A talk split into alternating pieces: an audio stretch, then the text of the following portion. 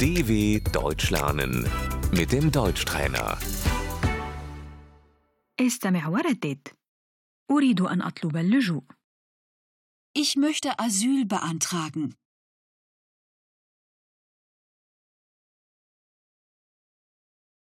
اللاجئ Der Flüchtling. محدد زمنيا Befristet. إقامة محددة زمنيا Befristeter Aufenthalt.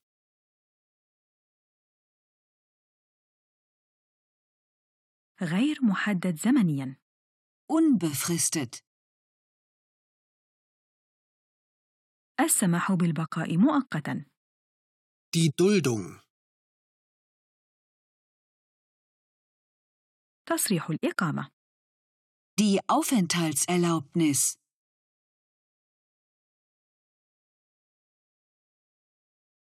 عندي تصريح إقامة Ich habe eine Aufenthaltserlaubnis.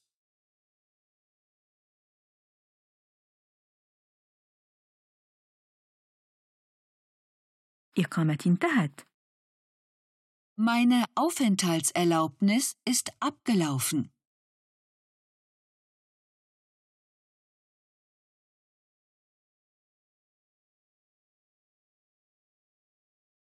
أريد تمديدها Ich möchte sie verlängern.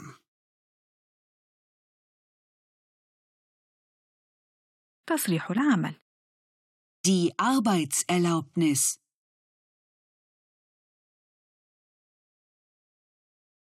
التوقيع Die Unterschrift. الاستمارة Das Formular.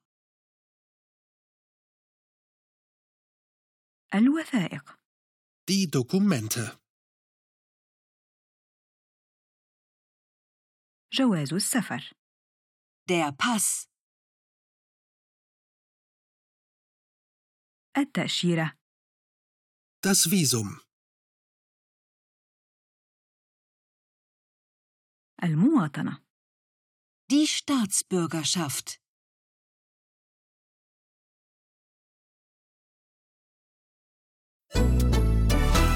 dw.com/deutschtrainer